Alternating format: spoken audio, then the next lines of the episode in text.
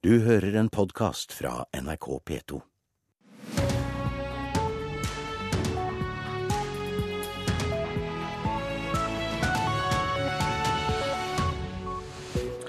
Øystein Heggen ønsker deg velkommen til Nyhetsmorgen tirsdag 13. januar. Dette er hovedsaker nå klokka 6.30. En karikatur av muslimenes profet Mohammed blir publisert på forsiden av det franske satiremagasinet Charlie Hebdo i morgen. Langt fra alle tilbys den laveste lånerenta, og slik svarer DNB-sjef Rune Bjerke.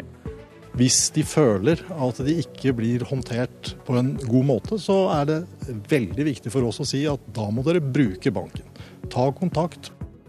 Både ferdskriver og taleregistrator fra Air Asia-flyet er hentet opp på land. Omgangssyke med oppkast og diaré går som en farsott over landet, men det finnes hjelp.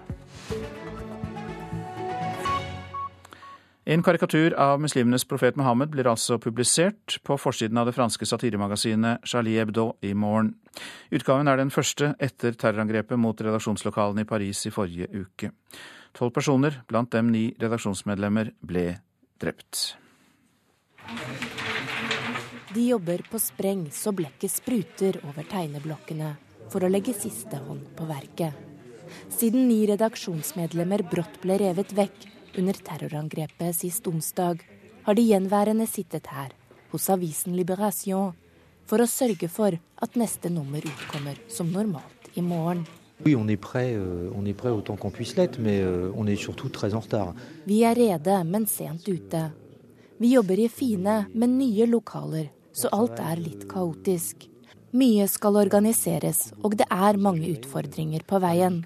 Normale problemer, men også større, som må drøftes, forklarer sjefsredaktør Gerard Biard. De har holdt kortene tett til brystet, men denne gangen venter en hel verden på dem. Og nå kan de røpe såpass at profeten Mohammed blir å se på forsiden av magasinet i morgen. Ikledd hvit turban med et skilt i hendene, hvor det står skrevet 'Jeg er Charlie'. Setningen som ble publisert på magasinets nettsider kort tid etter angrepet, og som siden er blitt selve symbolet på støtten med ofrene i kampen for ytringsfrihet. Redaksjonen kaller selv nummeret for de overlevendes utgave og denne gang er profeten tegnet med en tåre i øyet. Over står det skrevet Alt er tilgitt. Sa reporter Charlotte Bergløff. Nå er letemannskapene kommet enda et skritt videre i arbeidet med å finne årsaken til at et fly fra Air Asia styrtet i Javasjøen 28.12. i fjor. Da omkom 162 mennesker. Begge de svarte boksene er hentet opp, slik at både ferdskriver og taleregistrator er sikret. Og Asia-korrespondent Peter Svår, hvilke informasjoner ligger der? Ja, Denne taleregistratoren som ble hentet opp nå for noen timer siden, vil jo gi etterforskerne viktig informasjon. Der ligger opptak av alt som ble sagt i de siste to timene i cockpit før flyvning 8501 styrtet. Dette skjedde jo veldig plutselig, og uten at pilotene sendte ut et nødsignal eller meldte fra om problemer eh, over radio. Så dette opptaket blir nå en veldig viktig puslespillbrikke sammen med feilskriveren som man hentet opp i går. Eh, det vil gjøre at det er gode muligheter for for å kartlegge det nøyaktige hendelsesforløpet. og Denne taleregistratoren ble i morgentimene i dag hentet ut under en av vingene, som har blitt løftet opp ved å pumpe inn små luftkuler. Det kom i går motstridende informasjon om hva som hadde skjedd med flyet før det styrtet. Kan du si noe mer om det? Ja, Det var koordinatoren for det indonesiske redningsarbeidet som i går sa at mye tydet på at flyet eksploderte eh, rett før det traff eh, havflaten pga. Eh, at eh, kabintrykket ikke rakk å bli eh, utjevnet. At fiskere i området hadde hørt smell og sett røyk på himmelen. Dette blir avvist av et av medlemmene i den indonesiske flyhavarikommisjonen, eh, som sier at det ikke finnes bevis for noen slik eksplosjon. og Det forteller vel først og fremst at fortsatt er ganske stor usikkerhet også blant etterforskerne omkring hva som faktisk har skjedd. Forhåpentligvis så vil de to uh, svarte boksene, eller taleregistratoren og feilskriveren som nå er hentet opp, kunne bidra til at spekulasjoner blir uh, overflødige, fordi man med sikkerhet nå etter hvert vil kunne si nøyaktig hva som skjedde. Det er jo to uker siden flyet styrtet, og vel så det, eh, det havnet jo på relativt grunt vann. Likevel har det tatt en viss tid å få disse boksene opp? Ja, Det er i hovedsak værets eh, skyld. Det har vært eh, sterk vind og høye bølger i Javasjøen den siste tiden. Og dykkerne har også slitt med veldig kraftig strøm på havbunnen, der i hvert fall en del av vraket er eh, lokalisert. For det er ikke mer enn 30-40 meter dypt, så i roligere vær så ville dette trolig vært en mye enklere bergingsoperasjon. Og Hvordan går arbeidet da med å hente opp de omkomne fra vraket? Til nå er 48 av i alt 162 om bord hentet opp. Man antar at de fleste omkomne befinner seg i den fremre flykroppen. Den har man enda ikke lokalisert. Det er bare halepartiet og deler av vingene som er funnet så langt, men det er godt håp om at man finner også den etter hvert. Mange takk, Asia-korrespondent Peter Svaar. DNB-sjefen oppfordrer kundene til å ta kontakt hvis ikke de er fornøyde med lånerenta. I går fortalte NRK om at langt ifra alle tilbys de laveste rentene, som bankene reklamerer med nå. Det er ulike typer kundegrupper som eh, bankene slåss om. Det er de som sparer mye, det er de som eh, har eh, evne til å låne mye. Konsernsjef Rune Bjerke i DNB ramser opp et knippe kundetyper banken hans og andre banker slåss om og som nå blir tilbudt svært lave renter. For alle kunder får ikke de samme rekordlave rentene. Den rentedifferansen den kan være til og med 1-1,5 I går fortalte finansrådgiver Bente Olafsen om at hun mener forskjellsbehandlingen av kunder har økt. Nå oppfordrer DNB-sjefen kundene om å ta kontakt hvis de er misfornøyde. Hvis de føler at de ikke blir håndtert på en god måte, så er det veldig viktig for oss å si at da må dere bruke banken. Ta kontakt på mail eller oppsøk et bankkontor. Og vi har lørdagsåpent og døgnåpent. Og krever lavere rente. Eh, jeg regner med at de som har pengene i banken, ikke vil kreve lavere rente. Men de som har lån, de vil selvfølgelig være opptatt av prisen på lånet. Og hvis du likevel ikke er fornøyd etter et møte med banken din, får du følgende oppfordring fra statssekretær i Finansdepartementet Jon Gunnar Pedersen. Kundene bør ta kontakt med banken sin, og får de ikke noe godt svar, så bør de vurdere å bytte bank. Hvor enkelt er det egentlig å bytte bank? Det er veldig enkelt. Gå inn på finansportalen.no, så vil man kunne finne ut både mer om hva slags vilkår du kan få, og hvordan du gjør det. Reporter her, det var Trond Lydersen. Jorge Jensen, god morgen til deg. God morgen. Du er fagdirektør i Forbrukerrådet. og ja, Vet dere noe om hvem som er de skikkelig uheldige her, som egentlig burde løpe til banken øyeblikkelig og kreve lavere rente? Nei, Vi vet ikke hvem helt sånn presist, men vi ser noen kundegrupper. da. Og, og, det vi vel ser, det er de som, som forholder seg lojalt til banken, og forholder seg passivt til banken. Uh, man kan ha blitt vant til at uh, man får uh, Når en bank varsler at den skal sette ned prisen, så tenker man ok, dette gjelder også meg, men, men sånn er det ikke lenger, slik det ble hevda i innslaget. Så det går ikke noe automatikk i dette? Nei, så derfor må vi følge med. Og så er det om å gjøre å tenke ok, vi må ikke tilhøre de som, som taper ved å ikke følge godt nok med. Men er det slik at de beste kundene får de beste rentene, og betyr det da at det er de mest velstående som får de beste tilbudene? Nei, jeg tror vi skal si at der konkurransen er hardest, det er der tilbudet kommer til å bli best også. Og det vi ser, det er jo at er spesielt unge har, har andre betingelser enn de eldre. Og eh, hvis det er noe i gruppe da, som, som det er rift om nå, så, så, vil jeg tro, si at det er de unge. Og det handler litt om hva banken forventer å tjene på de i fremtida. Mens gamle, lojale kunder ikke nødvendigvis får så gode eh, tilbud. Ja, Så det er altså de unge som virkelig trenger eh, lånet til bolig mest, kanskje, som også har de laveste rentene? Ja, de vil jo også da låne mer, eller ha mer i lån enn hva de som har vært kunde over en viss tid og etter hvert begynt å betale ned. Så, så det er litt sånn Men igjen, det, det, er konkurransen. Der det er konkurranse, så vil man også få eh, andre tilbud. Og hvis man sitter passiv, så står man i fare for å tape penger. Statssekretær Jon Gunnar Pedersen var jo innom det, men la oss repetere dette med hvordan man best kan orientere seg i rentejungelen. Ja, Det man kan gjøre, det er å ta et besøk i, hos finansportalen.no. Der er det listepriser på, på banklån. Eh, ta de med. Ta en titt på det fortell banken din dette er det som finnes ute i markedet. Kan du matche dette? Og, og da sette i gang en prosess med banken. En dialog her er jo viktig. Vi startet jo eh, dette i dag med å si at eh, med å referere til Rune Bjerke, som sa at det bare er å ta kontakt med banken. Men Hva slags inntrykk har dere av bankenes kundebehandling når man først tar kontakt? Det er lett å si ta kontakt, men hva skjer når de tar kontakt vanligvis? Eh, Vår tilbakemelding er at det er ganske god eh, det er en respons på det. Og Derfor er det så viktig at mange tar denne kontakten. For at eh, det, det, er jo ikke noe smerte, det er ikke noe lidelse i dette. dette er det er også for banken en mulighet til å snakke mer med kunden. Så de er jo villige til å snakke med kundene. Når rentene er så lave som de nå er, betyr det så veldig mye? Liksom en eh, kvart prosent eller så på lånet?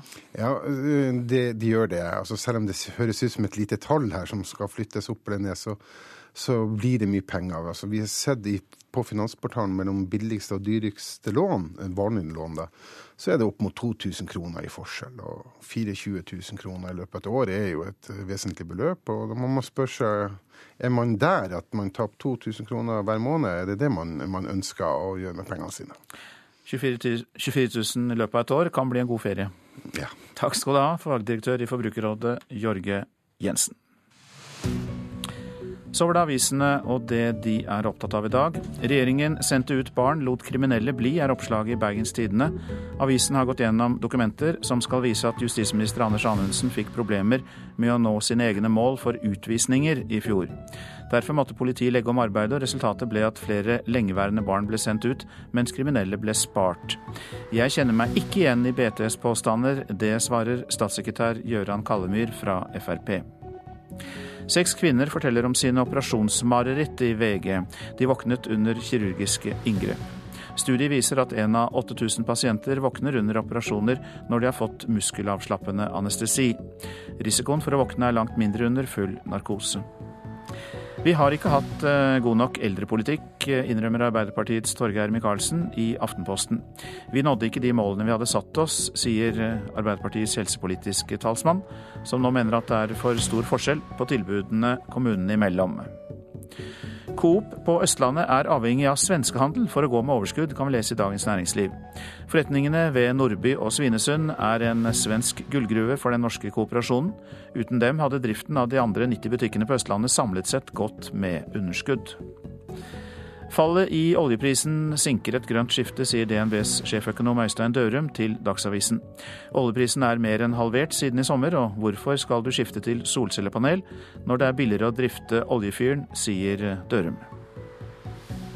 Hundrevis av ledige boliger, det er leietakers marked i Trondheim, kan vi lese i Adresseavisen. Vi bruker lengre tid på å finne leietakere, og enkelte ganger må vi sette ned prisene, sier Solveig Moan i Utleiemegleren.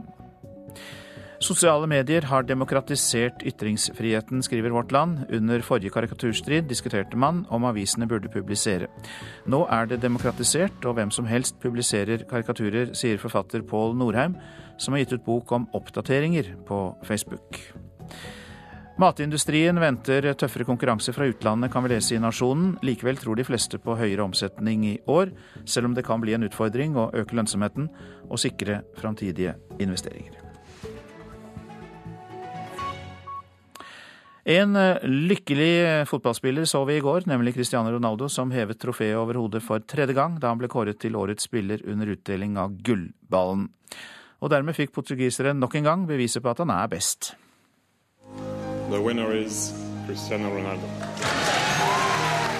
Det er tredje gang Real Madrid-stjernen vinner prisen som årets spiller, og da er det lov å bli glad.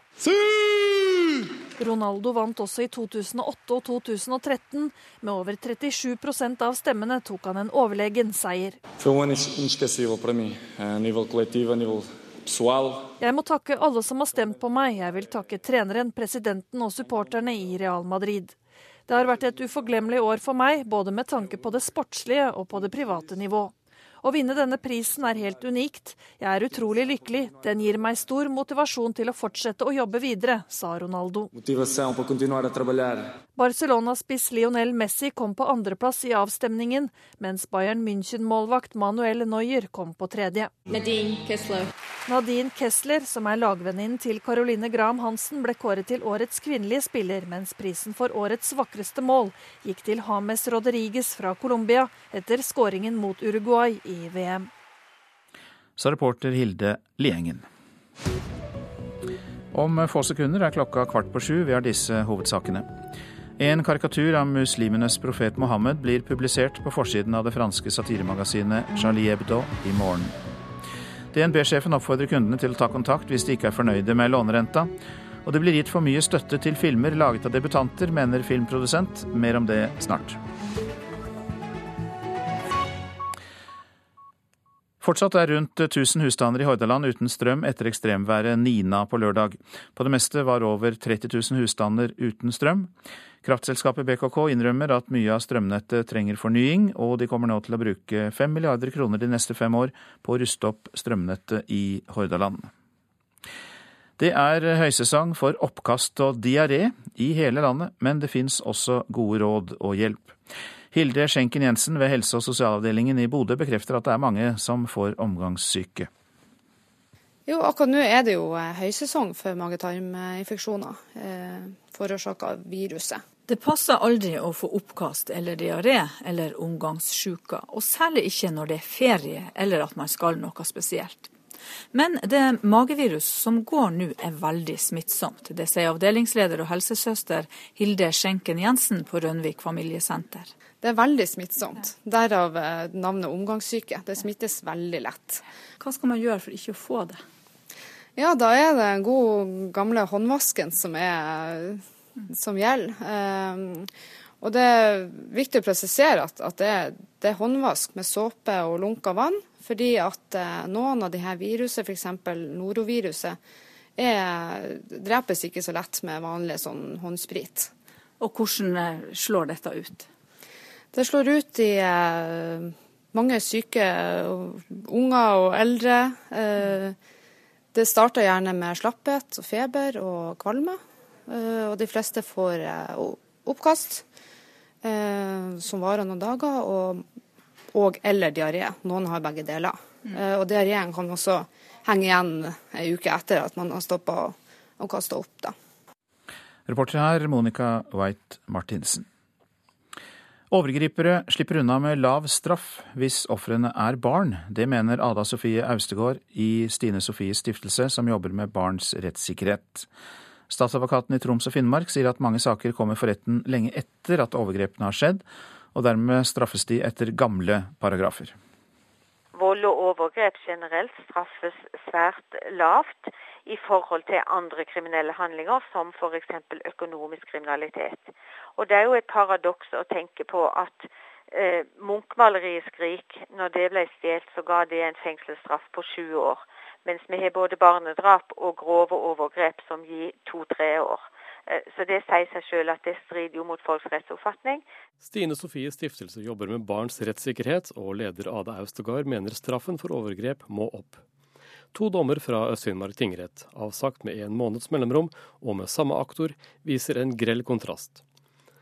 En mann som utførte oralsex på en sovende kollega, fikk tre år og tre måneders fengsel. En annen mann fikk ett års kortere fengselsstraff enn da han hadde hatt seksuell omgang med datteren jevnlig gjennom minst tre år fra hun var ti år gammel. Den straffen omfatter også at han hadde drøyt 2000 bilder av til dels svært grove overgrep mot barn kriminelle handlinger mot barn. Det omtales som noe av det verste som kan skje. Men når det kommer til domstolen, så, ser, så gjenspeiler det seg ikke der. Men førstestatsadvokat Lars Fause i Troms og Finnmark sier at påtalemakta allerede har snudd etter en lovendring i 2010. For forhold som er begått etter uh, juli 2010, så er det etablert et strengere nivå. Og vi har vel, så langt jeg erfarer, lykkes i å få medhold i de påstandene som, som vi har lagt ned på de forholdene og sakene vi har hatt. Det er nettopp denne lovendringen i 2010 som gir noen av de urimelige utslagene.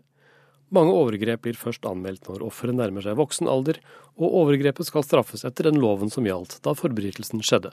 Derfor vil mange slippe relativt lett fra gamle forbrytelser. Når det gjelder perioden før 2010, så kan ikke jeg se bort fra at uh, det enkelte saker har vært uh, lagt ned påstander som, som, kanskje ikke har vært helt uh, adekvat, men igjen så er det har det vært veldig krevende å utmåle en presis reaksjon sammenlignet med det nye straffenivået som nå er etablert. For både voldtekt og overgrep mot barn under 14 år er utgangspunktet fire års fengsel. Men Fause advarer folk mot å trekke raske konklusjoner, uten å se at den enkelte saken kan ha mange nyanser. Så har vi saker hvor eh, gjerningspersonen er 17,5 år, da skal det være samfunnsstraff.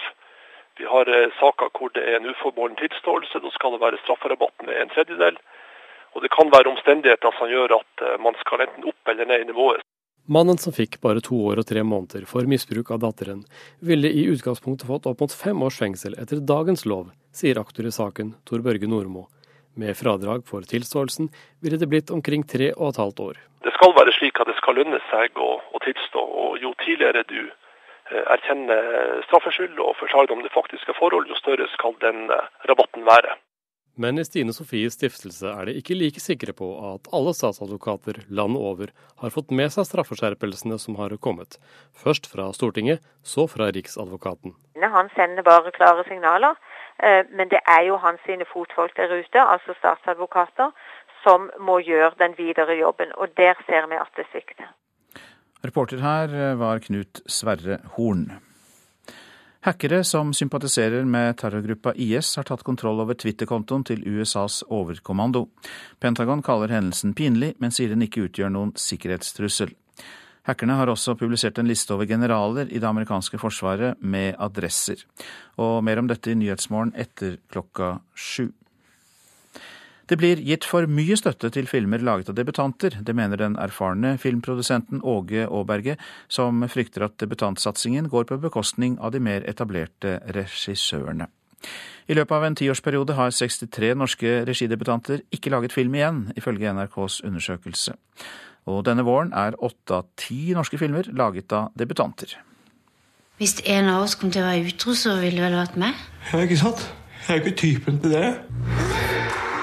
Det er jo skrekkblanda. Jeg har bare veldig lyst til å få vist filmen nå. Nå er det på tide at den kommer ut. På fredag debuterer regissør Charlotte Blom med sin første spillefilm, komedien 'Staying Alive'. Forhåpentligvis den første av mange filmer fra det prisbelønte regitalentet. Jeg håper jo at jeg får også muligheten til en kontinuitet. da. Når åtte av ti debutanter. Det er da det liksom tipper over, ikke sant. Åge Aaberge har bl.a. produsert Oscar-nominerte Kon-Tiki, og satt som styremedlem i Filminstituttet for seks år siden. Allerede da ble det satt inn tiltak for å satse flere filmmillioner på etablerte regissører. Det vi da så, det var at det var altfor mye engangsregissører. Det er klart at et så krevende medie som filmproduksjon, så er det utrolig viktig at folk får muligheten til å lage flere filmer. Ifølge undersøkelser NRK har gjort, var det 63 tre engangsregissører i tiårsperioden 2003 til 2012, da det i alt ble lagd 243 norske filmer. Skremmende mange lager kun én film og forsvinner ut av bransjen, mener produsent Aaberge. Veldig mange av de regissørene som vi kjenner i dag som dyktige og, og som virkelig leverer, det er jo folk som har fått anledning til å laga mange filmer? Nei, Det er viktig for NFI å satse på kontinuitet både for regissører, forfattere og, og produksjonsselskap. Sveinung Golimo er avdelingsdirektør for utviklings- og produksjonsavdelinga ved Norsk Filminstitutt. Han mener de hele tida jobber for å gi etablerte filmskapere kontinuitet, og tror det høye antallet debutanter i vår skyldes tilfeldigheter. Denne filmvåren er veldig spesiell. Eh, året under ett så vil flertallet av filmer være lagd av etablerte regissører. Filminstituttet har i dag en ordning der etablerte regissører får tilskudd til å lage minst to filmer, sier Golimo, som også synes 63 engangsregissører på ti år er for mange. Det er et veldig høyt tall, og det er absolutt et mål å få bedre kontinuitet eh, både på regisida og også i forhold til eh, produksjonsselskaper. For meg så var det helt avgjørende å kunne få eh, produksjonsstøtte til å lage denne filmen du som forstyrrer meg hele tida. Forstyrrer ikke, det er du som ikke kan forskjell på høyre og venstre. Jo, jeg kan det. Ja, Si det fort, da. Vær så med høyre.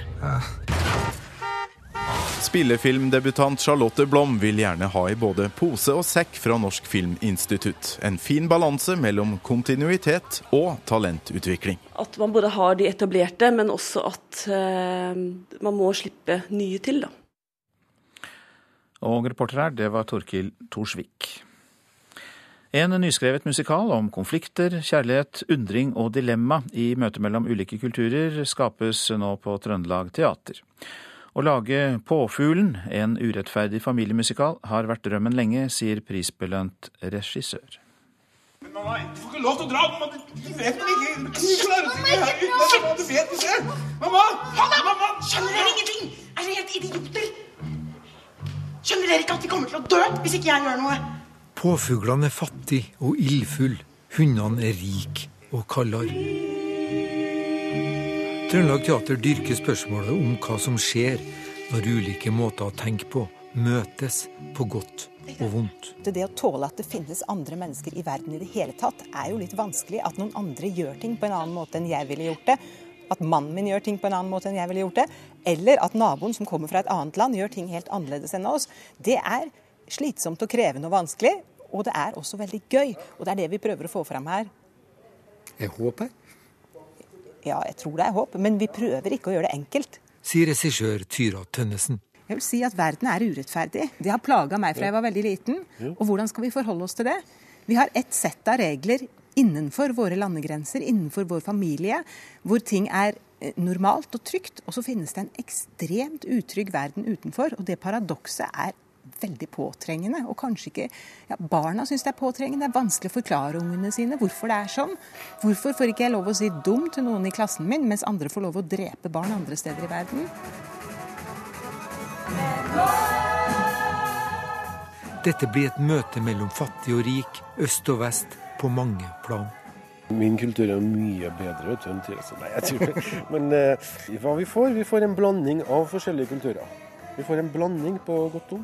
Ja, når det gjelder musikken, så har jeg eh, vært inspirert av selvfølgelig balkanmusikk, at jeg kommer derfra, men også av alle andre eh, musikksjangere som jeg har vært innom i løpet av de her 20 årene siden jeg flyttet til Norge. Sier musikalsk leder Jovan Povlovic. Han og Tyra Tønnesen har gått svanger med ideen i flere år.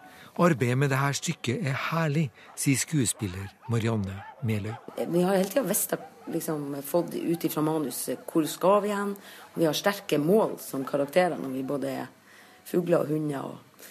Men vi finner på tekst underveis, og, og det har vært, også har vi brukt mye tid på å snakke om eh, viktige ting. Om hva som er rettferdighet og urettferdighet. og ja, det her har vært ei prøvetid som har vært en av de artigste jeg var med på. Og det var Lars Erik Skjærseth som eh, var vår reporter innom Trøndelag Teater. Værvarselet. Fjellet i Sør-Norge. Sørvestlig stiv kuling utsatte steder. Snøbyger og snøfokk, og det blir mest nedbør i vestlige områder. Østland og Telemark. På kysten periodevis stiv kuling og oppholdsvær. Midt på dagen forbigående litt regn eller sludd. Snø i høyden. Agderfylkene. På kysten periodevis stiv kuling. Regnbyger, snø i høyden og lengst i øst stort sett oppholdsvær. Rogaland og Hordaland sørvest periodevis sterk kuling utsatte steder, i kveld litt minkende vind. Regn- og sluddbyger, snøbyger i indre og høyereliggende strøk og utrygt for torden. Sogn og Fjordane sørvest liten storm utsatte steder. Det blir sterk storm ved Stad. Fra i formiddag sørvest sterk kuling og full storm ved Stad. I kveld litt minkende vind. Regn og sluddbyger, snøbyger i indre og høyereliggende strøk og utrygt for torden. Møre og Romsdal sørvest full storm på kysten. Fra i ettermiddag sterk kuling. Regn og sluddbyger, snøbyger i indre og høyereliggende strøk. Trøndelag sørvest full storm på kysten. Fra i ettermiddag sterk kuling, sludd eller snø av og til, lite eller ingen nedbør i indre strøk. Nordland sørøstlig periodevis liten storm utsatte steder og perioder med snø. Troms sørøstlig periodevis sterk kuling utsatte steder, litt snø i indre strøk, men ellers oppholdsvær. Kyst- og fjordstrøkene i Vest-Finnmark sørøstlig periodevis sterk kuling utsatte steder, opphold, i ettermiddag kan hende litt snø. Øst-Finnmark og Finnmarksvidda. Fra i ettermiddag liten kuling, på vidda litt snø, men ellers oppholdsvær. Nordensjøland på Spitsbergen. Øking til østlig liten kuling utsatte steder. For det meste oppholdsvær. Temperaturer, og disse ble målt klokka fire i natt. Svalbard lufthavn minus ni. Kirkenes er nede i minus 27. Vardø minus 10. Alta minus 20. Tromsø-Langnes minus 10. Bodø minus 7. Brønnøysund har vi ikke fått inn i dag heller, men vi har Trondheim-Værnes på 1 plussgrad, Molde og Bergen med pluss fem. Stavanger seks, Kristiansand-Kjevik fem, Gardermoen 1 grad. Og så noen minusgrader på slutten her. Lillehammer minus 8, Røros minus 16 og Oslo-Blindern, der er det én plussgrad.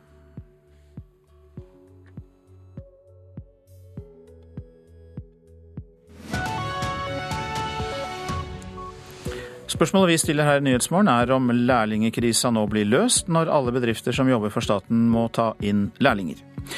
Få funn, lange avstander og lav oljepris demper appetitten på oljeboring i Barentshavet. Og unge muslimer som har kriget i Syria og Irak utgjør ikke en så stor trussel, terrortrussel i Europa, hevder amerikanske forskere. Ja, alle bedrifter må altså ta inn lærlinger snart hvis de skal jobbe for staten. For eh, regjeringen legger fram et forslag om å endre dagens regelverk, slik at det ikke lenger er frivillig for bedrifter å ha lærlinger. Grunnen er at det mangler 8000 lærlingplasser i Norge. Ja, Vi må måke fram da vi dreiv forrige uke, da som er her. Forklarer betonglærling Jonas Langstad Heggedal. I løpet av eh, helga har 10 cm snø lagt seg over den påbegynte grunnmuren til nye Haugenstua skole i Oslo. Her har du bånd av heissjakka der. Og så litt andre diverse fundamenter midt på her, og så får du båndplata over. Om et halvår er han ferdig betongarbeider med to år yrkesfag og to år som lærling bak seg. Fremtidsplanene er klar. Da skal jeg bli her, er planen. Jeg kjenner en del som ikke har fått lærlingplass og sånn, det gjør jeg, men Hva gjør dem da, mens eh, du er her og jobber? Nei, det er mange som har søkt seg jobb andre steder, da. Som på butikker og bensinstasjoner og sånne ting. Det er for få lærlingplasser, veldig enkelt forklart. Sier kunnskapsminister Torbjørn Røe Isaksen. 1.12. i fjor sto 8636 personer uten lærlingeplass i Norge, ifølge Utdanningsdirektoratet. I dag legger regjeringa fram et forslag om at alle bedrifter som er relevant for lærlinger, må ha en lærling hvis de skal gjøre oppdrag for staten. Når staten f.eks. skal sette i gang et stort byggeprosjekt, så kommer det til å stå i kontrakten at på dette byggeprosjektet så skal bedriftene ha lærlinger, og lærlingene skal være involvert i byggeprosjektet. Nøyaktig hvor mange lærlingeplasser det blir av regjeringas forslag er det ikke gjort beregninger på. Men det vil hjelpe på mangelen, mener kunnskapsministeren. Dette vil være ett bidrag. Samtidig så har vi også i, i Kunnskapsdepartementet skjerpet kravene til f.eks. universiteter og høyskoler om at de skal ta inn lærlinger. Så dette er ett steg for å få flere lærlingplasser. Ja, hva er egentlig grunnen til at det ikke skjer da før eh, nå?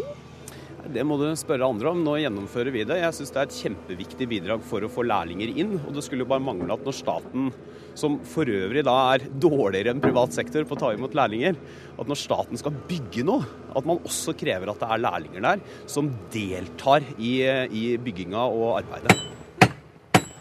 Jeg liker å jobbe med hendene. og se at det, du gjør, blir jo til noe som står der i mange år. ikke sant? Hva tenker du om at det ikke er nok plasser til alle, da? Det er jo dumt, det, da. Selvfølgelig. Nå skal det jo sies at noen av dem som ikke får lærlingplass, skulle kanskje ikke hatt det heller, da. Selvfølgelig har du mye fravær, så får du ikke lærlingplass. Det står litt der sjøl òg, det er ikke bare at det er for lite plasser. Det er ikke bare det. Og Den reportasjen den var laget av Marit Gjelland. Ja, god morgen til dere, Trude Tindlund og Jon Sandnes. Dere representerer henholdsvis da eh, LO og eh, Byggenæringens Landsforening. Og for å gå først til deg, LO-sekretær Trude Tindlund. Ja, Måtte det en borgerlig regjering til for å løse lærlingkrisa? Jeg tror at eh, på akkurat dette feltet her så er vi veldig enige, både arbeidsgiversiden, arbeidstakersiden og også myndighetene, uansett hvem som sitter der. Så det er noe som har på en måte blitt jobba med i, i lang tid, og nå har det skrudd til et ekstra hakk, og det er vi veldig glad for. Men vil det løse krisa? Jeg tror ikke dette tiltaket alene vil løse, løse krisa vi har, for det er flere tiltak som må til for å, for å øke gjennomføringen eh, til, eh, opp, til bestått fagbrev og sendebrev. Men eh, dette er et veldig viktig skritt, ikke tvil om det. Hvilke tiltak må til i tillegg til dette? Nei, det må tidligere innsats inn for de som sliter. altså Det må være muligheter med mer sosialfaglige ressurser inn på skolen for å hjelpe dem som på en måte har problemer. Det må være mulig å ta opp igjen fag for å ikke slite med det videre. altså Det er mange ting som, som må på plass her. Og I tillegg så er det vel også ikke av veien at man trenger et høyere lærlingetilskudd enn det som er i dag. Ved din side sitter altså da administrerende direktør i Byggenæringens Landsforening, Jon Sandnes. Og hva kan dere love de unge når de nå må tas inn i lærling? I Norge så har vi jo en modell hvor eh, de som skal bli framtidige fagfolk, bl.a. innenfor bygg og anlegg, kombinerer mellom å gå på skole og bli plassert i en bedrift med andre ansatte fagfolk. Og når det offentlige her nå, som er 40 kjøper av bygg- og anleggstjenester i Norge, tar dette samfunnsansvaret og sier at eh, skal man bygge for det offentlige, så skal man også ha lærlinger, så er dette en eh, gledens dag for BNL. Og det er et viktig viktig grep, nettopp for at man sender noen veldig sterke signaler her. Det ene signalet er at det offentlige tar samfunnsansvaret, i tillegg til andre. Det andre er at man faktisk understreker eh, den modellen som er bærekraftig over tid, som sørger for etterveksten, nemlig at man satser på bedrifter som har andre ansatte fagfolk. For det må faktisk den eh, arenaen til for at eh, lærlingene skal lære seg sitt fag, og sånn sett sikre etterveksten. Så dette er veldig bra. og I tillegg så er det i forhold til en arbeidsmarkedskriminalitetsøkning, så ser vi at dette er et viktig seriøsitetsgrep, hvor det faktisk vil lønne seg å være seriøs. Det vil lønne seg å være bedrifter som har ansatte fagfolk som kan lære andre i nye fag. Men eh, byggenæringen kunne ikke gjort det på egen hånd, da. Det måtte regjeringen til for å komme med en, eh, ja, skal vi kalle det pisk eller gulrot, dette her? Nei, vi kan ikke gjøre dette alene. Jeg tror ingen kan gjøre dette alene. Dette krever et samspill mellom myndigheter som bestiller, men også dette er et viktig signal til privat sektor også, at de også tildeler kontrakter bedrifter som eh, tar hånd om etterveksten. Så dette er et stort spleiselag. Så vi er glad for dette virkemidlet. Og så er det, som LO-sekretæren også påpeker, at dette er selvfølgelig ikke nok men dette er nok kanskje et av de sterkeste virkemidlene vi kan få. Så nå må man også følge opp eh, bl.a. det som vi også nå har fått i statsbudsjettet, med økt lærlingtilskudd, men økt satsing også tidlig i fasen, slik at de som faller fra, også ikke faller fra. Og så er det da i tillegg et punkt til òg. Det er at næringen selv har et stort ansvar med hensyn til omdømme, og at man driver på en ordentlig måte. Ja, hva kommer LO til å gjøre for å få også private oppdragsgivere til å være med på dette laget? Nei, Vi eh, har jo eh, våre tillitsvalgte ute i veldig mange private bedrifter, og vi, eh, vi, prøver å påvirke også den veien der. Det er som, som, BNL her sier, at det er et stort spleiselag. Og det som vi også er veldig opptatt av, det er den seriøsitetsbiten. For useriøse bedrifter har faktisk ikke lærlinger. Og nå er det veldig viktig at det offentlige, som er vår største byggherre, faktisk går foran og viser og tar ansvar for å benytte seg av seriøse bedrifter som satser langsiktig på kompetanse, for det er Norge helt avhengig av. Men eh, så hørte vi lærlinger helt til slutt i innslaget si at enkelte har så mye fravær at de uansett ikke burde hatt denne lærlingeplassen. Er det et problem? Det er også et problem, og det er der vi sier at vi må tidligere inn med ressurser. Altså Det må være mer sosialfaglige ressurser inn i skolen for å hjelpe dem som sliter. Og Det her handler om motivasjon, og det handler om eh, flere modeller for gjennomføring. Det er ikke alltid at to pluss to-modellen er den riktige, men det er også fullt mulig innenfor dagens ordning å ha mange flere modeller til gjennomføring som på en måte kan motivere de som, som sliter litt. Flere lærlinger skal inn til dere i byggenæringen, Jon Sandnes. Hva skjer når en lærling møter opp første dagen i en av dine bedrifter? Det som da skjer, er at de blir innført i bl.a. bedriftens helse-, miljø- og sikkerhetsrutiner. Eh, hvordan det produseres. Og man kommer på en måte da inn i en bedrift som har andre ansatte fagfolk. Hvor man skal lære seg de gode rutinene det er å komme seg opp om morgenen. Hvordan det er å tilrettelegge for jobben, hvordan det er å jobbe sammen med andre. Slik at det, eh, det viktige signalet man også sender her, det er hvor viktig det er å bygge opp under nettopp den arenaen. Og at da bedrifter som utelukkende eh, er opptatt av å selge rene oppdrag, og ikke har andre andre ansatte fagfolk, eh, de skal da ikke forfordeles. kan du si. Så her har man også sørget for å få en arena hvor man faktisk velger å satse på de som er seriøse, og som skal bidra til at samfunnet har fagfolk til å bygge landet også i framtida. Til slutt, Trude Tindlund, hvilke krav vil du stille til Jon Sandnes og hans bedrifter? Nei, Jeg vil eh, stille krav til at de faktisk tar det samfunnsansvaret som, som vi er enige om at, at, alle, både offentlig og privat, må ta. For det er Norge helt avhengig av. Det er eh, en av konkurransefortrinnene til Norge. Det er den selvstendige fagarbeideren som, som vi utdanner i Norge. Takk skal dere ha. og Grunnen til at dere kom hit, er altså at regjeringen vil foreslå at alle bedrifter som skal ha eh, oppdrag for staten, må ta inn lærlinger. Takk skal dere ha, Trude Tindlund, LO-sekretær og administrerende direktør i Byggenæringens Landsforening, Jon Sandnes.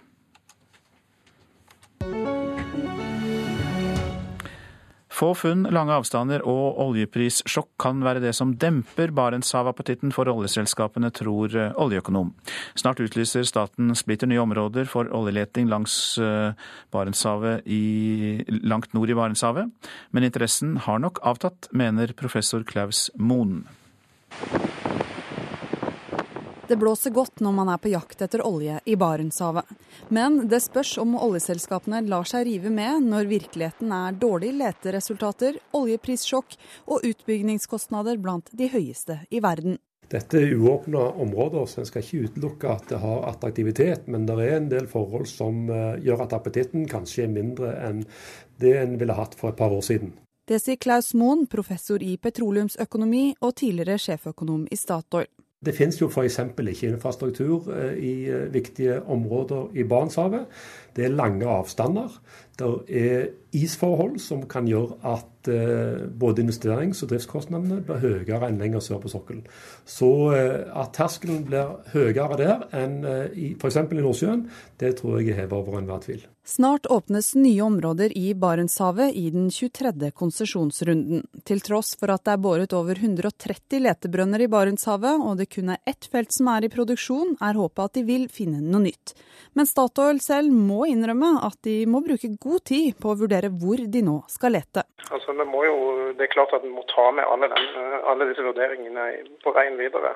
Sier Morten Eek i Statoil. Kanskje særlig når en da ser at uh industrien er under press, og en opplever uh, høye kostnader og lavere lønnsomhet. De avsluttet selv en stor letekampanje i høst uten noe særlig gode resultater. De brønnene har gitt uh, mye kunnskap nå om leiteboring leteboring i nordområdene, og hvordan vi skal løse utfordringer knyttet til logistikk og drift. Men blir man rik på denne kunnskapen, bør man ikke finne olje også? Det er klart at uh, en, må, en, må, få resultater ut av dette, men vi tror igjen da at uh, her er det langsiktighet og utholdenhet som gjelder. Det har erfaringen vist, ikke bare fra Barentshavet, men òg fra, fra, Nordsjøen. Man kan ende opp som man sier det at disse feltene er stranded assets. da. Er bekymringen fra Mats Kirkebirkeland i Høyres studenter. Han tror ikke det er noe poeng at staten nå åpner opp og i tillegg har gode skatteordninger for småselskaper. Og Hvis man bruker da gode insentivordninger for at man leter etter masse olje, og gjerne kan finne olje, men de blir aldri utbygd fordi at det er verdiløs olje som ligger på havbunnen, som, som rett, man rett og slett ikke får opp på lang sikt. Oljeselskapene er likevel veldig klare for nye områder, sier Tommy Hansen i Norsk olje og gass. Nå er det på tide at vi får tilgang til nye og attraktive areal å drive virksomhet i. Eh, vi har store forventninger. Vi gleder oss til å ta fatt på de utfordringene som ligger i de områdene. Goliat-feltet, som snart står klart i Barentshavet, trenger en oljepris på mellom 80 og 100 dollar for å gå i pluss. Dagens pris er rundt 50. Legger man dette på toppen av manglende infrastruktur og små funn, skal det en del til for å ta fatt på Barentshavet, tror professoren i petroleumsøkonomi. Det er klart, For lik kvalitet på prospektene, så er det mye mer attraktivt å lete i Nordsjøen. Reportere her Inger Johanne Stenberg og eh, Line Tomter. Klokka er 7.16. Vi har disse hovedsakene. En karikatur av muslimenes profet Mohammed blir publisert på forsiden av det franske satiremagasinet Charlie Hebdo i morgen. Snart, snart må alle bedrifter ha lærlinger dersom de skal jobbe for staten. Nye regler kommer, og både LO og byggenæringen støtter forslaget, som vi hørte her i Nyhetsmorgen nettopp. Få funn, lange avstander og lav oljepris demper appetitten på oljeboring i Barentshavet. Det hørte vi også. Unge muslimer som reiser til Syria og Irak for å krige, utgjør ikke en så stor terrortrussel i Europa som en kan få inntrykk av. Det mener amerikanske forskere som har undersøkt omfanget av såkalte fremmedkrigere fra europeiske land. Jeremy Shapiro ved The Brookings Institution mener det er viktig at europeiske myndigheter ikke får panikk etter terrorangrepene i Frankrike. We could focus a little bit more on our resilience to absorb the attacks that do occur, as opposed to a sort of impossible eradication standard. Vi bør fokusere litt mer på at vi har hatt evne til å avverge flere terrorangrep. Problemet fremmedkrigerne utgjør er ikke så stort, sier forsker Jeremy Shapiro ved den anerkjente tankesmien The Brookings Institution her i Washington. Sammen med kollega Daniel Byman la han i går fram en rapport om hvilken trussel radikaliserte muslimer som reiser til Syria eller Irak for å slutte seg til IS, utgjør. Nærmere 3000 muslimer fra Vesten har reist, ifølge rapporten langt flere fra Europa enn fra USA. has a lesser problem than the Europeans because it fundamentally the Muslim communities here are much better uh, integrated. Her i landet er dette et mindre problem, fordi den muslimske befolkningen her er bedre integrert, sier Shapiro. Forskerne mener det er lett å få panikk etter det som har skjedd i Paris. Men de understreker at selv om et relativt stort antall har reist til Syria, er det mye som tyder på at bare en brøkdel kan komme til å planlegge terrorangrep når de kommer hjem igjen. Slik sett er de som reiser til Jemen for å bli trent opp av Al Qaida, mye farligere. Mange av fremmedkrigerne i Syria er allerede drept i kamper eller selvmordsangrep. Andre kommer ikke hjem igjen etter endt tjeneste, og atter andre er desillusjonerte og ikke så voldelige som fryktet. Men det er selvsagt viktig at etterretnings- og sikkerhetstjenester bruker ressurser på å overvåke dem som reiser og dem som kommer hjem igjen. De som virkelig kan bidra her, er imidlertid de muslimske miljøene i ulike land, mener forskerne. Communities want to respond. Uh, the communities, uh, this is definitely true in Norway. Uh, we, we looked at that to some extent. Um, the communities are, are the most upset by the foreign fighter and terrorist problem. They have the most, these Muslim communities have the most to lose. De ønsker å bidra, også i Norge. Det har vi sett i arbeidet med rapporten, sier Shapiro. Backlash, and they don't want their young men going abroad and getting killed and killing. Og det var Tove Bjørgaas som hadde laget denne reportasjen. Hackere som sympatiserer med terrorgruppen IS, tok i går kontroll over Twitter-kontoen til USAs overkommando. En IS-logo ble satt inn med teksten 'Jeg elsker dere, IS'.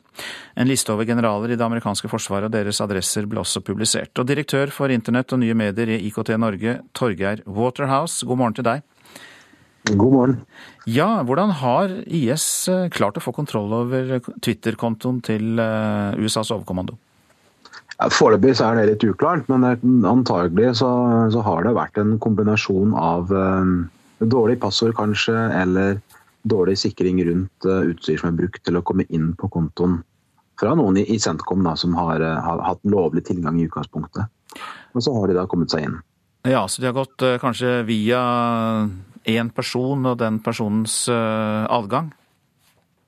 Det kan ha vært det. Det, det kan ha vært flere ting. Men, men, det som er det viktige med dette, er at det viser at der hvor man tidligere har hatt uh, utelukkende har kunnet ha fokus på fysisk sikkerhet i den fysiske verden, der du og jeg kan gå rundt og bevege oss, så er nå veldig mye av, av sikringsbehovet flytta over den digitale delen av samfunnet vårt. Og Man må ha stort fokus på det og følge med hele tiden. Hva må man da gjøre, for dette gjelder jo både bedrifter og myndigheter? Ja, altså må, det, er et stort spekter man egentlig må, må, ivareta. Man må ha fokus, passe på at alle de ansatte eller tilfellet her sånn, de, de, som var i, i, Forsvaret, må ha kompetanse og forstå hva som foregår. De må forstå hvordan de skal bruke, og ikke minst hvordan de ikke skal bruke en del typer tjenester. Hvordan de skal sikre seg, hvor de skal bruke det fra. Hva slags nettverk kan de være på for å gå inn på, på nettet som i jobbsammenhengen sin osv. Og så må man ha beredskap så man kan agere kjapt, sånn som ble gjort her, når noe går galt eller noen misbruker systemene. Det som har skjedd eh, nå, er det først og fremst eh, pinlig, som Forsvaret for så vidt sier selv, eller utgjorde det også en sikkerhetsrisiko? Ja, altså, det, det, er nok, det, er nok, veldig pinlig, og spesielt med tanke på hvem det var som gjorde det. i hvert fall hvem det ser ut som har gjort dette. Eh, I tillegg så, så, sier de at eh, det ikke ble publisert noe, noe sensitiv informasjon, at ikke de var inne i Centcom sine egne systemer, at det var Twitter- og YouTube-kontoen de kom inn på. Um, det er litt tidlig å si, men det er klart at litt avhengig av hva de kunne ha publisert, så kunne det ha blitt farlig. Uh, men, men, i hvert fall per i dag så sier da Centcom selv at det, at det ikke var noen, noen kriser som oppsto selvfølgelig utover det ytterst pinlige og at dette skjedde, og at dette var en demonstrasjon på at, at Centcom ikke var så sikre og hadde så mye kontroll som de absolutt burde ha. Ja, så Pentagon regnes jo som sikkerhetens høyborg kanskje i hele verden, og så har de altså blitt eh, ja, lurt, kan du si. Hvor sårbare er våre mm. digitale systemer i Norge? Altså Hvis du ser på, ser på tilsvarende bruk av, uh, av, systemet fra andre leverandører, så, så vi, løper vi samme risiko hvis ikke vi gjør det vi skal skikkelig. Og Det er jo ikke, det er ikke sånn at man kan sikre seg én gang og så er man ferdig sikra. Dette handler jo om den løpende bruken og hva man gjør hver dag. Hvilken sikkerhetskultur man bygger og hvilken sikkerhetskompetanse man bygger hos de ansatte. Så har man selvfølgelig de egne spesialiserte systemene, og der har, har vi nok hele spekteret i Norge også. Fra de systemene som er godt sikra og som passes på hver dag, til de systemene som det er flaks at ingen har overtatt fra utsiden. Og det er jo ikke, Vi har jo hatt flere episoder i Norge de siste par årene hvor det er avslørt hvor, at ting ikke er sikret i det hele tatt. Det er vel ikke mer enn to-tre måneder siden noen oppdaget at uh, gassanlegg rundt i landet var lett tilgjengelig via internett fordi de ikke var sikra sånn som de skulle ha vært. Mange takk, Torgeir Waterhouse, som altså er direktør for internett og nye medier i eh, IKT Norge. Avisene nå. Regjeringen sendte ut barn, lot kriminelle bli, er oppslaget i Bergens Tidende. Avisen har gått gjennom dokumenter som eh, viser at justisminister Anders Anundsen fikk problemer med å nå sine egne mål for utvisninger i fjor. Derfor måtte politiet legge om arbeidet, og resultatet ble at flere lengeværende barn ble sendt ut, mens kriminelle ble spart. Jeg kjenner meg ikke igjen i BTs påstander, det svarer statssekretær Gøran Kallemyr fra Frp. Seks kvinner forteller om sine operasjonsmareritt i VG. De våknet under kirurgiske inngrep. Studiet viser at en av 8000 pasienter våkner under operasjon når de får muskelavslappende anestesi. Risikoen for å våkne er langt mindre under full narkose. Vi har ikke hatt eh, god nok eldrepolitikk, sier Arbeiderpartiets Torgeir Micaelsen til Aftenposten. Vi nådde ikke de målene vi hadde satt oss, sier eh, Aps helsepolitiske talsmann, som mener det er for stor forskjell på tilbudene kommunene imellom. Coop på Østlandet er avhengig av svenskehandel for å gå med overskudd, kan vi lese i Dagens Næringsliv. Forretningene ved Nordby og Svinesund er en svensk gullgruve for den norske kooperasjonen. Uten dem hadde driften av de andre 90 butikkene på Østlandet samlet sett gått med underskudd. Fallet i oljeprisen sinker et grønt skifte, sier DNBs sjeføkonom Øystein Dørum til Dagsavisen. Oljeprisen er mer enn halvert siden i sommer, og hvorfor skal du skifte til solcellepanel når det er billigere å drifte oljefyren, sier Dørum. Hundrevis av ledige boliger, det er leietakers marked i Trondheim, kan vi lese i Adresseavisen. Vi bruker lengre tid på å finne leietakere, og enkelte ganger må vi sette ned prisene, sier Solveig Moan i Utleiemegleren. Sosiale medier har demokratisert ytringsfriheten, skriver Vårt Land. Under forrige karikaturstrid diskuterte man om avisene burde publisere. Nå er det demokratisert, og hvem som helst publiserer karikaturer, sier forfatter Pål Norheim, som har gitt ut bok om oppdateringer på Facebook. Matindustrien venter tøffere konkurranse fra utlandet, kan vi lese i Nasjonen. Likevel tror de fleste på høyere omsetning i år, selv om det kan bli en utfordring å øke lønnsomheten og sikre framtidige investeringer. Nå skal vi høre at eh, fotoboksene langs norske veier har fått en utilsiktet bonuseffekt. Bilistene demper nemlig farten også etter at fotoboksene er fjernet.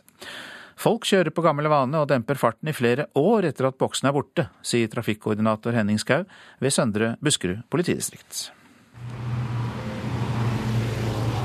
Vi er ved et lyskryss i Rosenkransgata i Drammen. For en stund siden sto det en fotoboks her.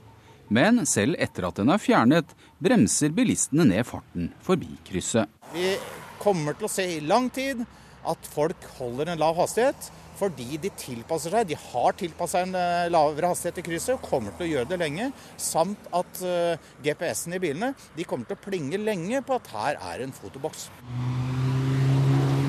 Gamle vaner er altså vonde å vende, også bak rattet. Politiet priser seg lykkelige over bonuseffekten.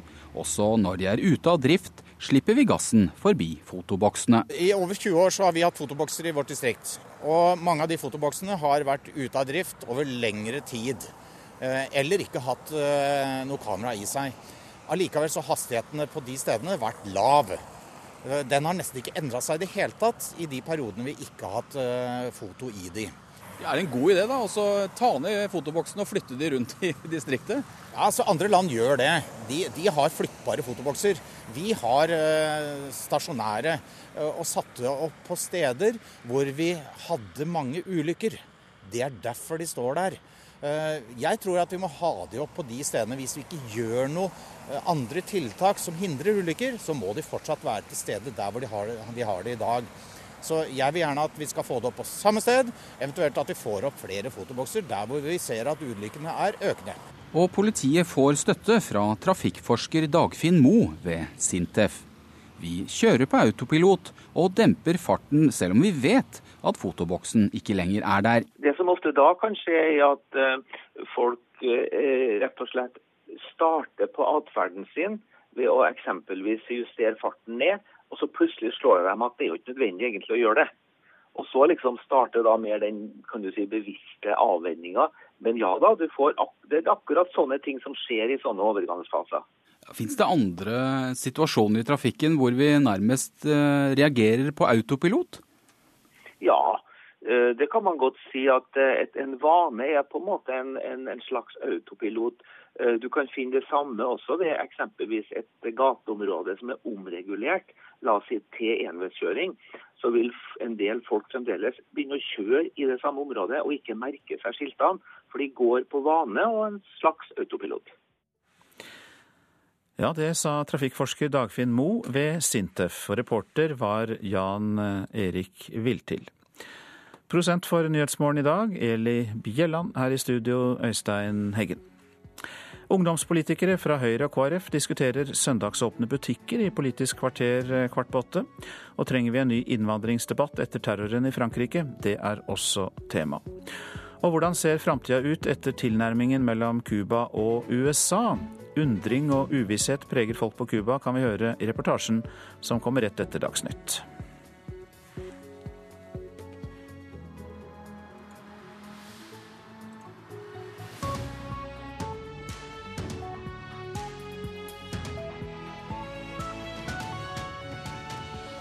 Hør Kulturhuset 2015 er eh, året Marty McFly reiser til i filmen Tilbake til fremtiden 2. Flygende biler, tidsreiser og sølvdrakter er dagligdagse ting, men Marty må fortsatt finne seg en telefonkiosk for å ringe.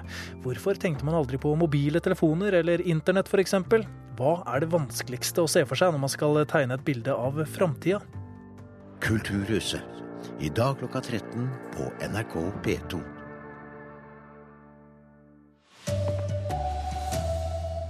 Bedrifter som ikke tar imot lærlinger, får ikke oppdrag fra staten fremover. Magasinet Charlie Hebdo har en Mohammed-karikatur på sin første forside etter terrorangrepene i Paris. Og over hele landet ligger folk rett ut med oppkast og diaré. Det er veldig smittsomt. Derav eh, navnet omgangssyke. Her er NRK Dagsnytt klokka 7.30. Snart må alle bedrifter som tar imot, må ta imot lærlinger dersom de vil ha oppdrag for staten. I dag legger regjeringen frem et forslag om å endre regelverket, slik at det å ta imot lærlinger ikke lenger er frivillig for bedriftene. Ved årsskiftet manglet over 8600 elever fra yrkesfag lærlingplass. Og betonglærling Jonas Langstad Heggedal sier at det gjelder flere av hans venner.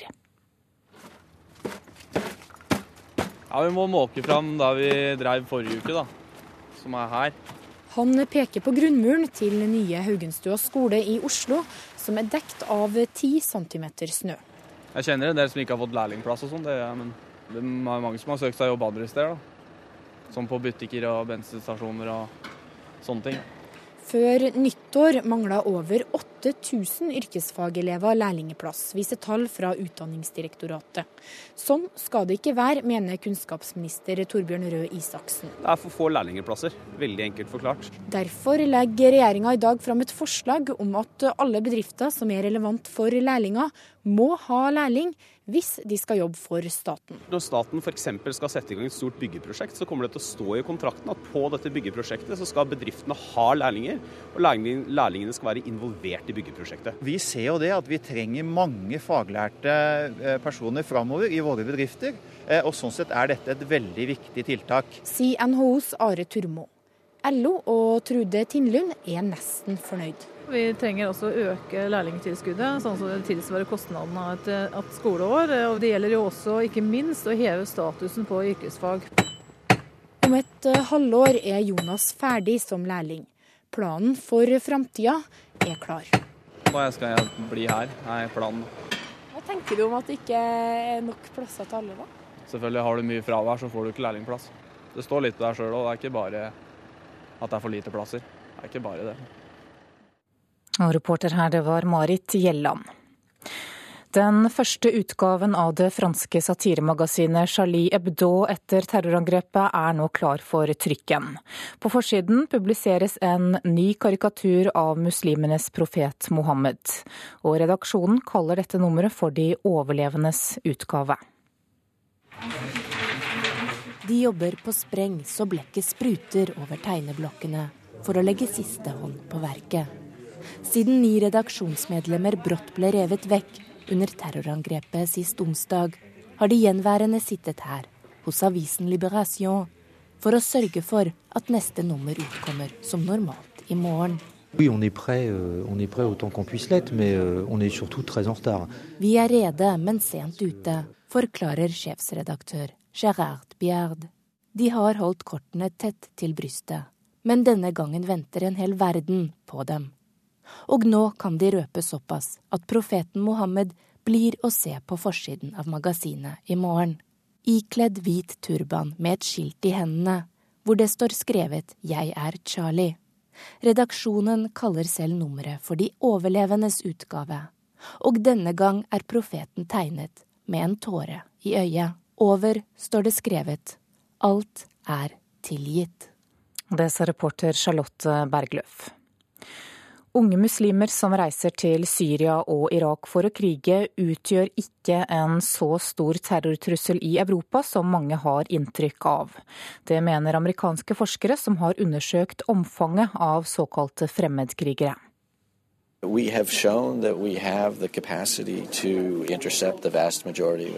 Det er viktig ikke å få panikk etter det som har skjedd i Paris. Etterretnings- og sikkerhetstjenester i Europa har ressurser til å overvåke dem som har reist til Syria og Irak, mener Jeremy Shapiro. Sammen med kollega Daniel Byman ved den anerkjente tankesmien The Brookings Institution her i Washington, har han undersøkt hvor godt rustet europeiske land og USA er til å håndtere unge muslimer som blir rekruttert av IS og andre ekstremistgrupper. Nærmere 3000 såkalte fremmedkrigere har reist til Syria og Irak. Men det er de muslimske miljøene i de ulike landene som først og fremst både kan hindre at unge menn reiser, og sørge for at de blir reintegrert når de kommer hjem igjen, mener Shapiro.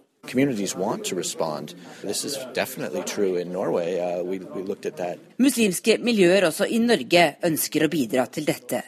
Det har vi sett i arbeidet med rapporten, sier han til NRK. Tove Bjørgaas, Washington. Og det blir debatt om faren for terror i Norge i Politisk kvarter kvart på åtte i P2. Konsernsjefen i DNB ber kundene ta kontakt dersom de ikke er fornøyde med lånerenten. I går fortalte NRK at langt fra alle får tilbud om de laveste rentene som bankene reklamerer med. Det er ulike typer kundegrupper som eh, bankene slåss om. Det er de som sparer mye, det er de som eh, har eh, evne til å låne mye. Konsernsjef Rune Bjerke i DNB ramser opp et knippe kundetyper banken hans og andre banker slåss om, og som nå blir tilbudt svært lave renter.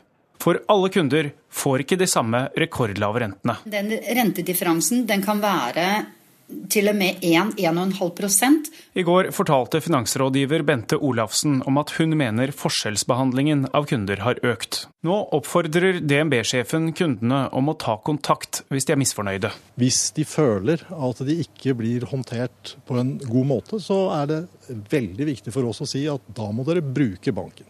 Ta kontakt på mail eller oppsøk et bankkontor. Og vi har lørdagsåpent og døgnåpent. Og krever lavere rente. Eh, jeg regner med at de som har pengene i banken, ikke vil kreve lavere rente.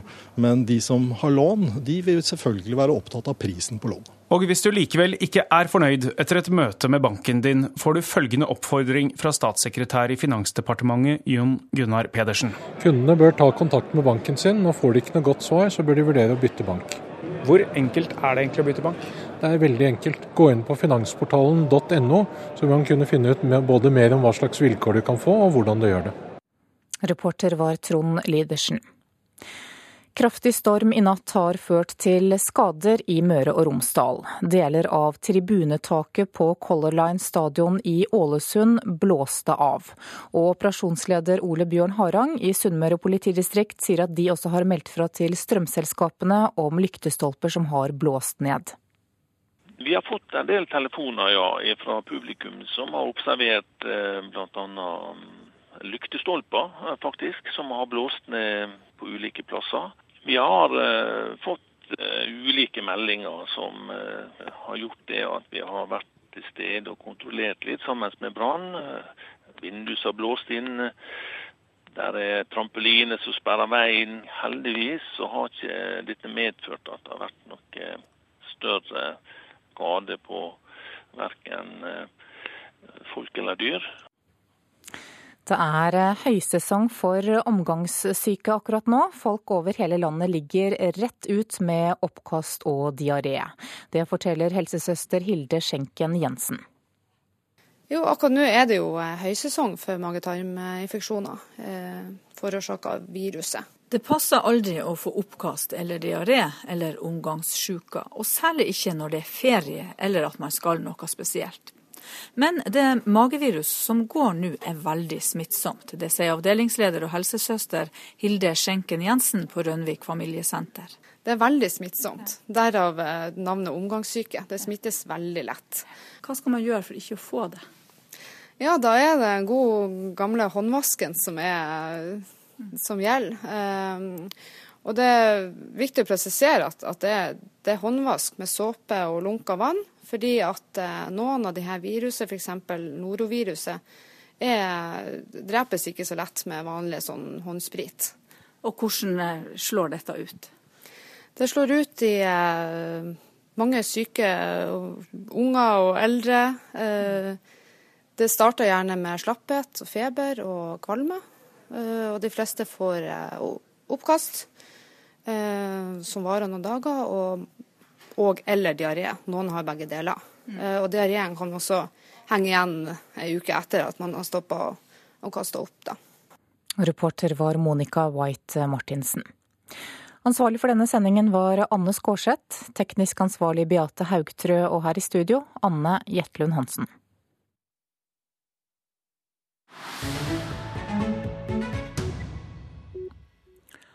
Dette er eh, Nyhetsmorgen. På Cuba ser mange fremtiden i møte med undring og uvisshet. Intensjonsavtalen fra desember om en tilnærming mellom USA og Cuba tente et håp, men de nye ryktene om at Fidel Castro er alvorlig syk, sprer sorg og usikkerhet.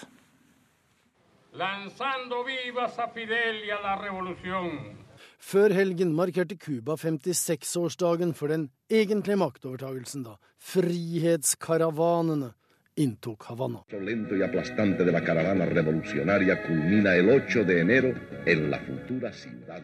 Diktatoren Fulgencio Batista hadde flyktet nyttårsaften, og revolusjonen var et faktum. Men hvor er selve revolusjonshelten fra den gangen, Fidel Castro?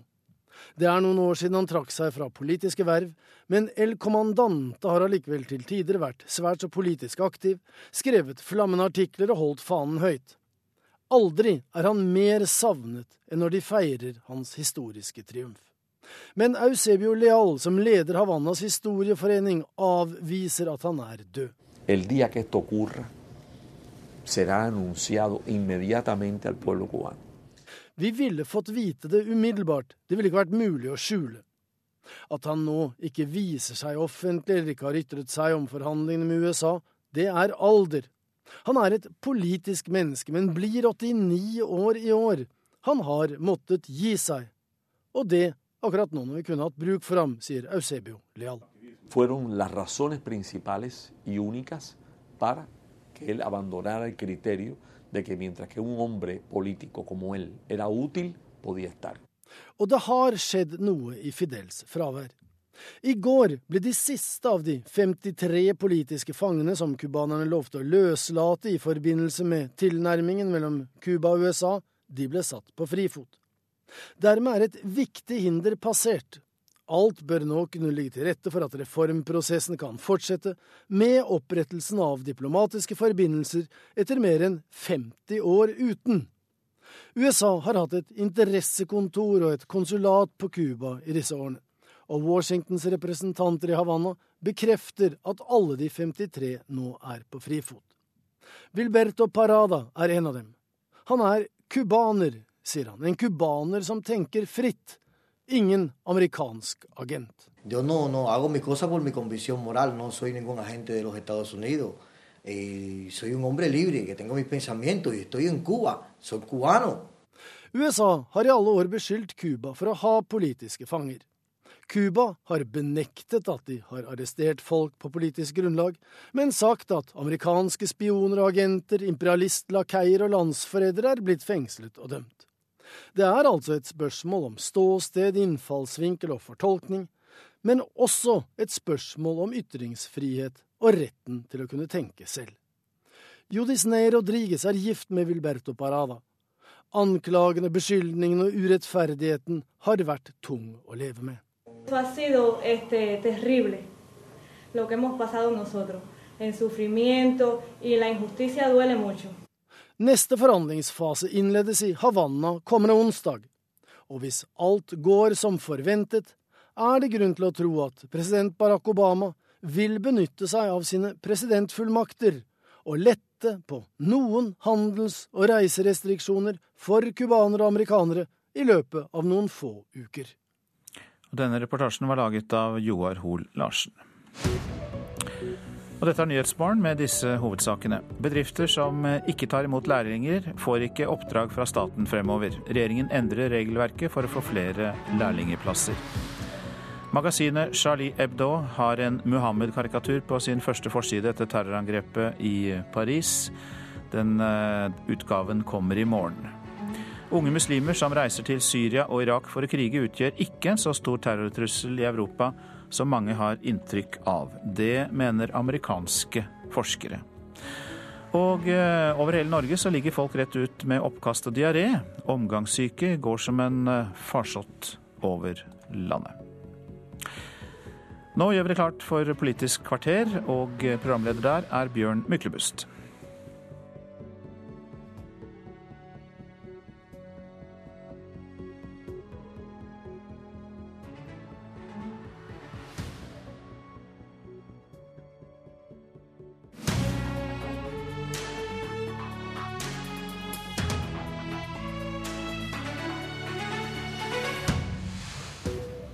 Støre må ikke få styre. Fremskrittspartiets Masihar Keshvari mener det vil bli flere radikale muslimer i Norge hvis venstresiden kommer til makten igjen. Dette er jo det reineste sprøyt, svarer SVs Karin Andersen. Og det skal ha blitt observert en moralist i Politisk kvarter sitt studio på fredag. Keshvari og Andersen er snart klare til debatt. Men først denne moralisten. Velkommen Jenny Clemet von Tetzschner, leder i Oslo Unge Høyre. Takk. Hvem var moralisten du mente å høre på fredag? Det var eh, KrFs leder Knut Arild Hareide. Eh, på Politisk kvarter så sa han at han heller syns at folk skal gå på ski i marka, enn at man skal handle på søndager. Og det kan jeg godt være enig i, men jeg syns ikke man kan lage et eh, regelverk basert på de meningene. Det syns jeg blir moralistisk. Det handler om grenser for politikk? Ja. Politikerne behøver ikke å blande seg inn i hva folk velger å gjøre på søndager. Noen på høyresiden har håpet at KrFs ungdomsorganisasjon er varselet om en trygg borgerlig framtid for moderpartiet. Er du skuffet over at det er KrFU som sitter her for å slå deg i hodet med moralismen? Nei, det er jo ikke så veldig uventet. KrF er jo, KrFU er jo tuftet på bl.a. kristne verdier. Og jeg vet at de har lyst til å ivareta søndagen som en helligdag. Men jeg mener at tiden er inne for å ha et mer moderne regelverk.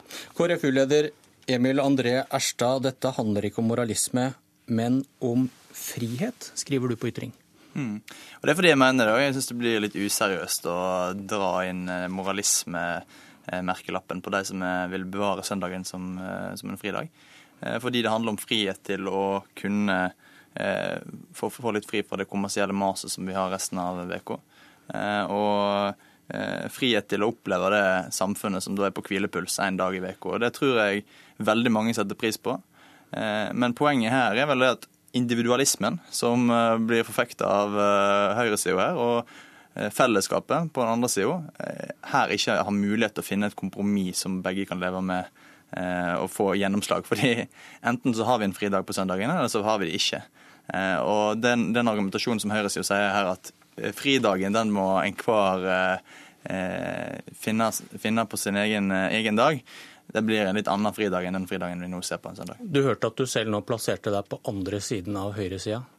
Ja, det, på det er Altså, eh, KrF er et sentrumsparti, og som, eh, som sentrumsparti så har vi eh, ideologi som, som skiller seg fra høyresida, absolutt. Handler dette om hvem som eier frihetsbegrepet? Nei, det, det handler litt om hva vi legger i frihetsbegrepet.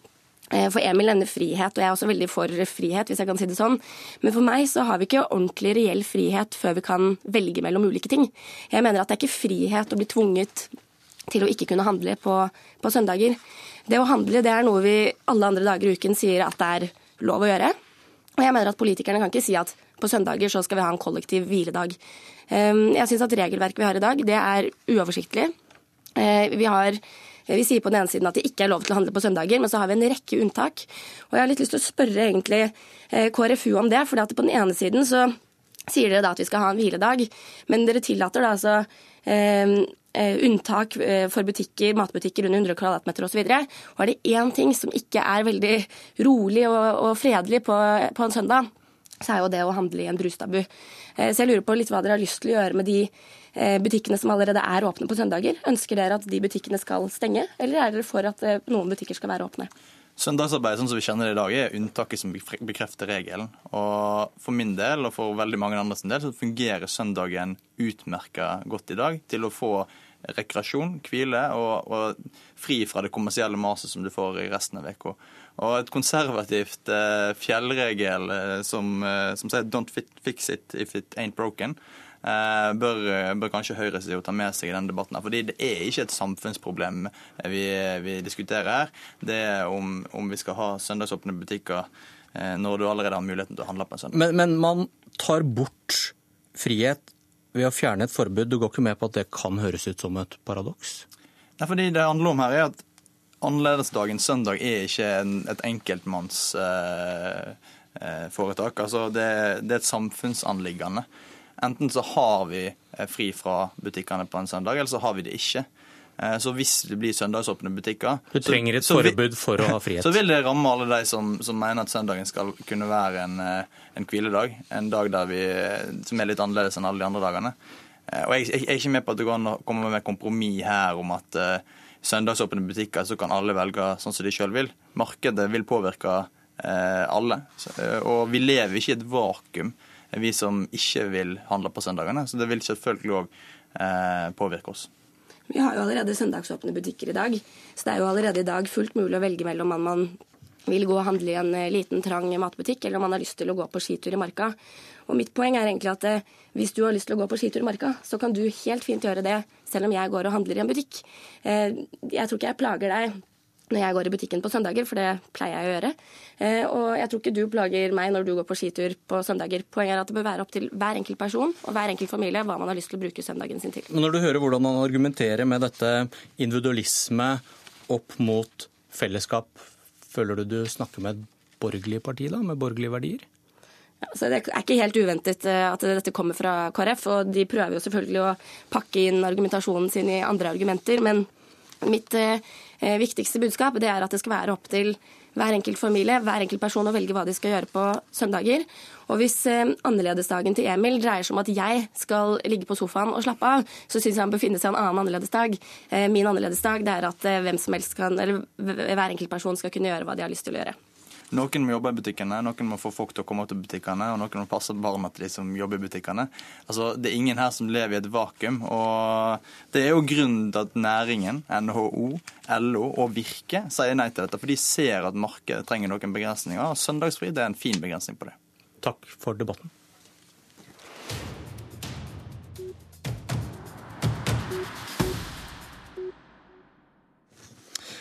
Er løsningen på terrortrusselen å begrense innvandringen? På høyresiden i Frankrike sier tidligere president Sarkozy at innvandring vil bli tema for en svært grundig debatt, fordi vi ikke kan fortsette som dette. Og problemet med integrasjon gjør at innvandrere skaper egne samfunn der terrorister kan skjule seg. Innvandringspolitisk talsmann i Fremskrittspartiet, Mazyar Keshvari, er det derfor du frykter konsekvensene hvis venstresiden får tilbake makten i Norge? Altså, Det er jo flere debatter her. Eh, først og fremst så frykter jeg at eh, hvis Arbeiderpartiet kommer til makten, så får vi en totalt prinsippløs leder ved makten, som har vært mye debatt om de siste dager. Eh, dernest så er det mange årsaker til den utviklingen vi ser i Europa i dag. Det er jo ikke slik at det over natten har blitt den situasjonen vi ser.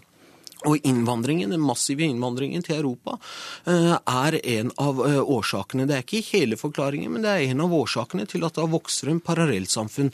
Man har tatt imot langt flere enn det man eh, er i stand til å absorbere og integrere. Og som et resultat av det så ser vi utfordringer på en rekke områder. Også når det kommer til det som går på radikalisering og rekruttering til eh, ekstremistiske organisasjoner. Og det er derfor det blir flere radikale muslimer i Norge hvis hun som sitter ved siden av deg får makt igjen? Eh, spesielt eh, han fra Arbeiderpartiet som har vist seg som prinsippløs. Jeg eh, merker meg jo at mens hun som sitter ved siden av meg sier dette her er helt vås, så har hennes partifelle Bård Vegar Solhjell en real oppgjør med Støre i dagens Klassekampen. Så de får snart bestemme seg hva de mener, men det får vi vel høre nå. Karin Andersen fra SV, hva tenker du når du hører på ja, jeg Keshvari? Vet, jeg vet ikke hva Keshvari mener jeg har sagt av vås. Eh, det som diskusjonen i Klassekampen har gått ut på i dag, er jo at man skal ha en kompromissløs ytringsfrihet og kunne krenke religioner. Det er jeg veldig enig i. Det må jeg, vi kunne. Jeg kan si, Men, si hva, Det var nestleder ja. for, for lytternes del ja. som ikke har ja. lest Klassekampen. Nestlederen din i Bård Vegar Solhjell mm sier at mange på venstresiden har tonet mm. ned kritikken av mm. islam i frykt for å støte en minoritet. Gjelder det deg også? Nei, det gjelder ikke meg. Eh, jeg har vært veldig tydelig i min kritikk av religioner, eh, særlig når det gjelder eh, kvinneundertrykking, bestandig. Men jeg frykter det som Fremskrittspartiet nå tar til orde for, nemlig at vi skal gi innvandrere kollektivt skylda for kriminalitet og for terror. Og i Norge har vi opplevd et alvorlig terrorangrep det var en eh, norsk mann som gjorde det. Eh, så vidt jeg veit er eh, terrorbomberne i, også i Frankrike nå franske statsborgere. Så det vi, vi, må få til, er jo å kunne leve sammen med ulikhet. Og da har det ikke noe med innvandring å gjøre, mener du? Det har i hvert fall ingenting med å kriminalisere det at folk eh, flytter på seg hver dag, for det har folk gjort bestandig. Så det handler mer om at vi klarer å lage samfunn med ikke for store forskjeller, og der vi klarer å integrere og inkludere alle. Da vil, da vil vi kunne leve sammen i fred, og så må vi ville det. Vi må ikke som utgangspunkt si at vi er for forskjellige, så dere får ikke lov til å komme hit. Det er det ingen som har sagt, men det er nettopp den type avsporing som jeg mener viser eh, problemet med venstresida. Jeg har ikke hevdet at innvandrere generelt og kollektivt sett bidrar til kriminalitet og terror. Jeg sier en av årsakene til fremveksten av radikalisme i Europa. Det er mange årsaker til det. Det er ikke én enkelt årsak til det, men en av de viktige faktorene er også den massive innvandringen som har funnet sted, og at man har tatt imot langt flere enn det man kan absorbere og integrere. Når mennesker som er født og oppvokst i Norge, i Sverige, i Tyskland, i Frankrike, i Storbritannia som i realiteten ikke kjenner noen andre land enn de landene de er vokst opp i, og helt riktig, Karin, er statsborgere av det landet, så må vi spørre oss hvordan kan det ha seg at de hater det landet de er født i og vokst opp i? Og det er ikke bare én en enkelt eh, årsak til det, men når vi ser over svært mange år, det har vært mange hendelser som har vist at utviklingen går i, i, gal retning. Det er den forrige karikaturstriden. Det er, eh, det er arrangement som har blitt uh, avlyst. Det er helt riktig som SVs nestleder hevder i Klassekampen i dag. Man har ikke turt å kritisere ting man ville ha kritisert ellers pga. en økende innvandringsbefolkning. Men da må man men, kunne snakke om det uten å bli beskyldt for å, å, å, å, skylde på innvandrerne alt som er galt. Det er jo ikke først og fremst innvandrerne i Europa som har stått for den feilslåtte politikken som er ført verken i Norge nå, eller i andre land. Det, det Keshvari gjør nå, er jo nettopp det jeg sier, nemlig å si at det er dette som er problemet. Jeg tror vi har et problem med å kunne leve sammen alle sammen, og sette opp hva det er for slags verdier samfunnet våre skal bygge på, og at vi klarer også å integrere på en eh, ordentlig måte. Da er det veldig mange ting vi kan gjøre med det. Og en av tingene vi skal gjøre, er å holde ytringsfriheten høyt. Det er vi enig i, at vi skal kunne kritisere det som er gærent. Men det er, og særlig Fremskrittspartiet, har en veldig tendens til å gi folk kollektivt skyld for kriminelle handlinger som blir begått. Og jeg vil minne om igjen altså Altså, men er det, det, er det det han gjør når han vil diskutere innvandring i Nei, han kan diskutere innvandring, men han sier at det er det som er problemet. Og det, han, og det, av og det høres ut som om det å være innvandrer i seg sjøl Altså måten vi snakker om dette på nå, man skal bygge murer rundt Europa. Jeg vil bare, jeg vil bare minne om at Europa har en historie der man har kollektivt gitt skyld til folkegrupper eller trosretninger. Og det har gått forferdelig gærent. Så nå er vi nødt til å begynne å se at jeg tror at Keshvari og jeg er ganske like personer. Følte du deg hitlet vi- nå, jeg tror ikke Keshvari? vi, Nei, jeg tror det, er, det er i hvert fall på grensa Nei. på hva hun sier. Igjen som jeg sier, jeg har ikke gitt kollektiv skylda. Jeg sier at når vi har en Jo, åpen diskusjon gjør det. om kampen mot radikalisering og ekstreme, så er det mange faktorer. Noe av det har vi diskutert i forbindelse med fremleggelsen av handlingsplan mot ekstremisme og, øh, og, og, og radikalisme og ekstremistisk vold. Eh, Vi har diskutert utenrikspolitikk om hva som eh, rører seg i andre land som gjør at er mennesker i utgangspunktet viktig. drar ned dit. også. Men også en av faktorene til økning av radikalisering i Europa er den økte innvandringen, og det kommer vi ikke unna. Det er jo ikke sånn at vi over natta fikk grupperinger som det- Profetens Omma i Norge og andre ekstreme ekstreme Fører grupperinger. regjeringen en veldig annerledes innvandringspolitikk enn den rød-grønne, syns du, Andersen? De har i hvert fall en del eh, innstramminger som Fremskrittspartiet veldig gjerne står for, og av ting som jeg mener bryter med eh, en menneskelig politikk. Nemlig f.eks. at hvis du er eh, kvinne og lever i ekteskap, så mener de nå at de skal behøve å holde ut i fem år før de kan få skilsmisse og kan få bli i Norge. Det betyr at det er den som er innvandrer som blir enda mer eh, sårbar. Det samme bildet, mener fører du? seg inn i det samme bildet, fordi man liksom mener at det er veldig mange mennesker som Jeg hører musikk på spekulerer øret, i det å betyr at komme det går hit. mot slutten Men, sluttreplikk. programleder, Det er jo litt rart hvis Karin Andersen mener det. fordi Karin Andersen og SV er ikke først og fremst i opposisjon til dagens regjering. De er først og fremst i opposisjon til den politikken de selv førte når de satt i regjering. Og det ser Og vi i ble- alle saker fra det kampsaken til asylbarna. Takk for debatten igjen. Dette var Politisk kvarter. Du har hørt en podkast fra NRK P2.